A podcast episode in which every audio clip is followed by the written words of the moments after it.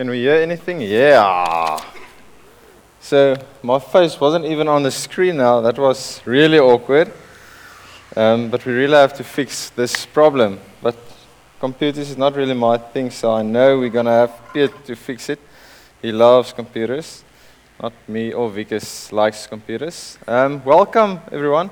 I hope you enjoyed the night so far. Uh, I enjoyed it very much. I just realized again while standing there playing bass, looking cool, whatever. Um, that church, it's not about just this event happening every Sunday morning, every Sunday evening.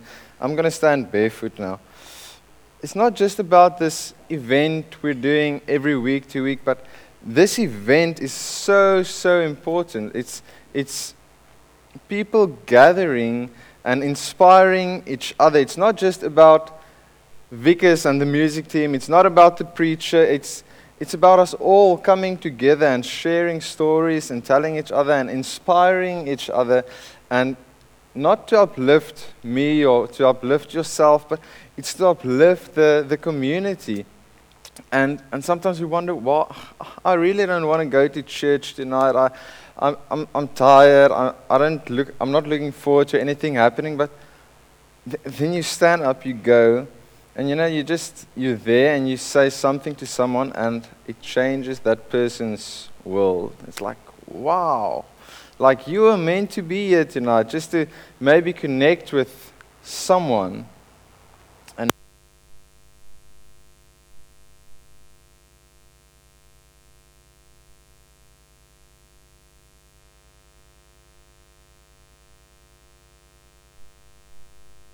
Ali, Ali, ha. You just stopped me from talking now. He's funny. Um, yeah, so I'm not funny. So when you come to church, know that you're supposed to be here. Know that you are not here just to receive, but you're actually here to connect as well with your fellow Christians, fellow followers of Christ. Um, so tonight we are going on with a series. Piet started about two weeks ago with this semi series on on the names of God, of who God is. God got a lot of names from the Israel people of what God did and how He provided. Then they will give Him a name. And if if you are if you're a bit like me, you sometimes you struggle to to remember someone's name, right? It's like it's it's a bit difficult. You don't always you you come to a person and you're like, "Hey Tannie, hoe gaan dit met Tannie en Tannie en Tannie en oom en and it's just because you don't know the person's name, so you will Tannie the whole time and they'll like smile and talk and and you run into a person in a shopping mall and you're like, "Hey, you how are you doing?" Person I don't know. And it's it's awkward, you know. It's like who is this person? I, I, I don't remember. I know the face, but I don't remember the name. But if you're like me, it's it's nice if someone else remembers your name. You feel you feel special. You feel important. You feel you feel loved. Maybe maybe I have some issues, but it's it's nice if someone remembers your name, and maybe if if the next time you meet someone, yeah, I'm sure there's a few people who haven't met, maybe try to actually listen to the person before you start a next sentence. Like, hi, William. Hey, Matthijs. Uh, so, William, would you like some coffee? William. And repeat the person's name, like, say, William, William, William everything you do and try to memorize the person's name. So next week when you come, you go, ah, William, I remember you, man, from last week, William. And you remember, th- and he feels like, wow, this weird guy. He remembered my name, and that's cool. And for me, sometimes it's it's terrible, like horrible. I we in church, and I think Vickers can relate, and a lot of people here can probably relate people come to you, like oud tannies and ooms especially, they come to you and talk to you, and you're like, hi. And they, they know your name, and they know your family, they know where you live. They'll ask out about where, um, how's that and that and that? And I'm just like, hmm. Meanwhile, I don't, I don't have a clue what the person's name is. And I'm just like, ja, nee, tannie, oom, dis gaan goed. Nee, dis. And I feel, I really feel terrible. So just try to make an effort to remember people's name. Now, the name we'll be looking tonight is, is one that we go way back. We go to the book of Exodus, where Moses gave this name to God. And it's, it's for me, it's one of the easiest names. We call it Jehovah Nissi. Now, I want to ask you to, to say this name out loud Jehovah Nissi. Okay, I like it. You're working together. Say to the person next to you Jehovah Nissi. Jehovah Nissi. It sounds so magical, eh? Like, whoo, Nissi. Now, now say to the person next to you, the Lord is my banner. It's awkward, eh? Talking in church, like, I, I normally just sit and listen, but you have to talk sometimes, eh? Now say, the Lord is my banner. And we shout it out. I'm reading to you from, from Exodus 17, verse 8 to 15. Amalek came and fought Israel at Rephidim. Moses ordered Joshua, Select some men for us and go out and fight Amalek. Tomorrow I will stand, I will take my stand on top of the hill holding God's staff. Joshua did what Moses ordered in order to fight Amalek. And Moses, uh, Aaron, and Hur went to the top of the hill. It turned out that whenever Moses raised his hands, Israel was winning. But whenever he lowered his hands, Amalek was winning. Just, oh, okay. oh, there, there we go. Um, but Moses' hands got tired, so they they got a stone and set it under him. He sat on it, and Aaron and Hur held up his hands, one on each side. So his hands remained steady until the sun went down. Joshua defeated Amalek and its army in battle. God said to Moses, Write this up as a reminder to Joshua to keep it before him, because I will most certainly wipe the very memory of Amalek off the face of the earth. Moses built an altar and named it God my banner. He said, Salute God's rule, God at war with Amalek always and forever. Now I can see this, this story playing out. This Moses and Aaron and Joshua and all these people, the Israelites coming out of Egypt, coming out of captivity, captivity they're like, they're moaning all the way, like, we don't have food, we don't have shelter, we don't have water. Why did you take us out of Egypt? We were not happy there, but we got food every now and again. Like, why didn't you just leave us, Moses, God?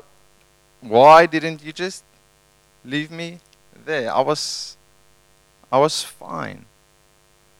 And and Moses is just like Joshua, you go get an army and, and fight Amalek. I'm going up the mountain to hold up God's staff.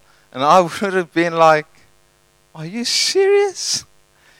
you you are the boss and, and you want me to do the, the work here. You want me to work with this nation, this moaning, complaining nation, to gather an army, to fight an army, and I don't know if I can do that. Um, while Moses, on the other hand, you know, he's saying, I'm going to go up the mountain and I'm just going to like hold the staff up. He's going to hold up a staff. And he's, that's what he's going to do, while Joshua has to get the army and fight the people. And depending on how you look at it, you'll say it's, it's a bit unfair towards Joshua. But we go further. In this story, we see, we see how, how we, how the how the fight went and we read into the fight and we, we can see me and my wife we watched 300 just last night and it's like blood and gore and fighting sometimes we don't picture the, the bible with blood and gore but that fighting is like cutting off of heads and stuff like that But they don't write about the war itself. They write about Moses standing with the staff. With the staff of God, he's standing there, keeping up the staff, and it says, whenever he lets the staff down, it's like they're going into a losing battle. It's like killing Israelites all over. And when he lifts up again, it's like Israel's winning. And it's down, it's like, ah, oh, it's up and woo! And, and it's like a Mexican wave. But later he gets, he, he gets tired and, and they bring him like a nice chair to sit on and they keep his arms up. That's wow. It's, it's really important that this staff, this rod is in the air. This represents something.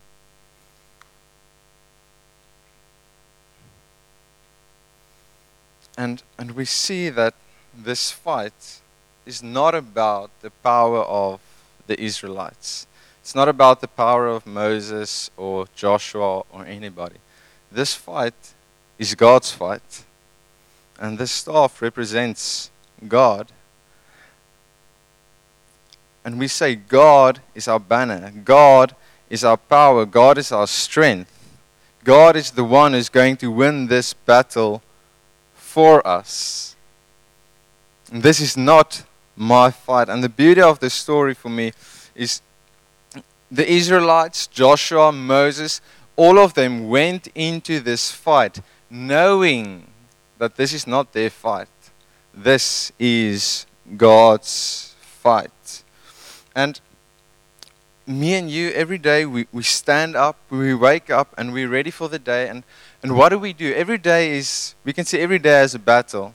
Not like I'm going to fight everybody that comes in my. I think sometimes we feel like that. We stand up and we say, everybody who comes in my way, I'm going to smack them over. I'm just going to, you know, beep, but every day is a personal battle.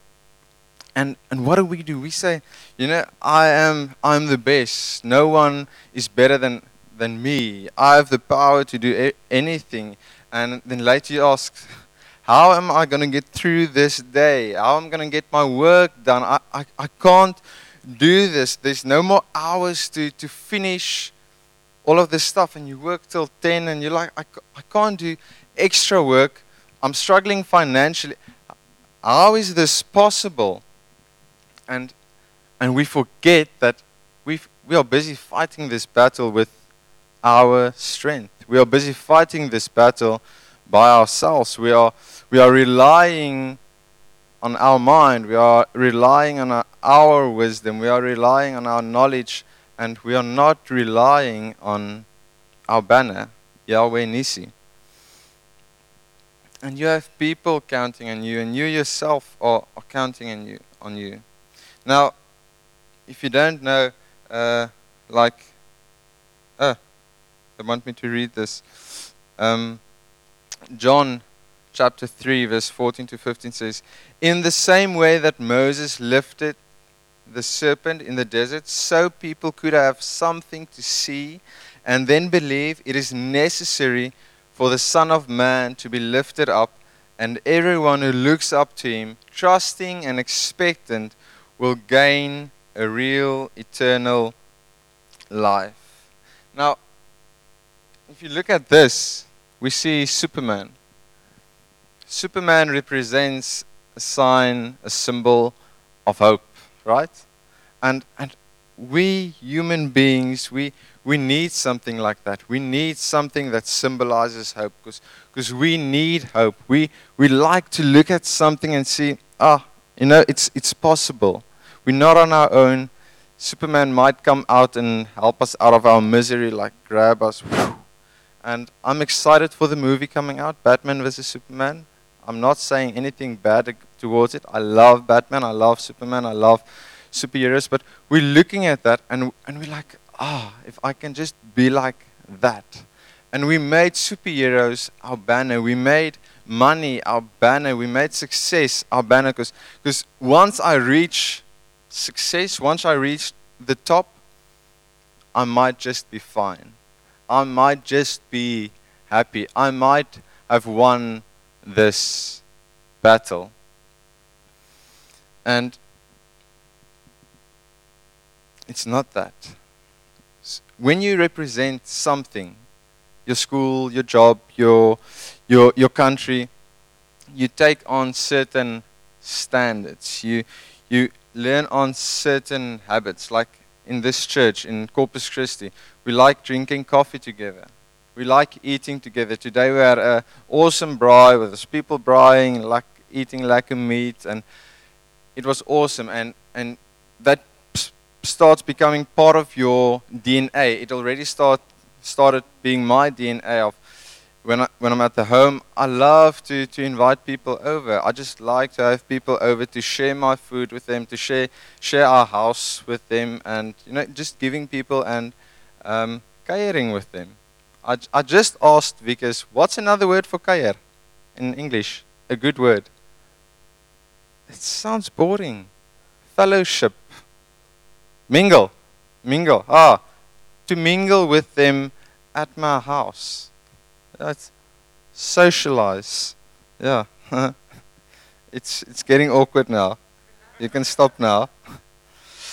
Um, but if you find yourself, if you're sitting here and you're saying, you know, I am a Christian, then we are supposed to, and this is not like punishment or anything, but we are supposed to see God as our banner. God is grace, God is love, God is hope, God is compassion. And we are supposed to clothe ourselves with that banner. And that's not always easy. And it's not, like I said, it's not punishment. We are supposed to look at, at Jesus as our banner. You know, I, I have to adopt standards. I have to I have to love you. I have to be graceful towards you. I have to be kind towards you. Because he has been kind to me. He has shown grace to me. He has shown love to me. Now, are you constantly like struggling with with broken relationships? You just can't seem to fix the relationship with your mother, with your dad, with your friend, with your ex, with your wife, with your husband. You can't seem to fix the problem.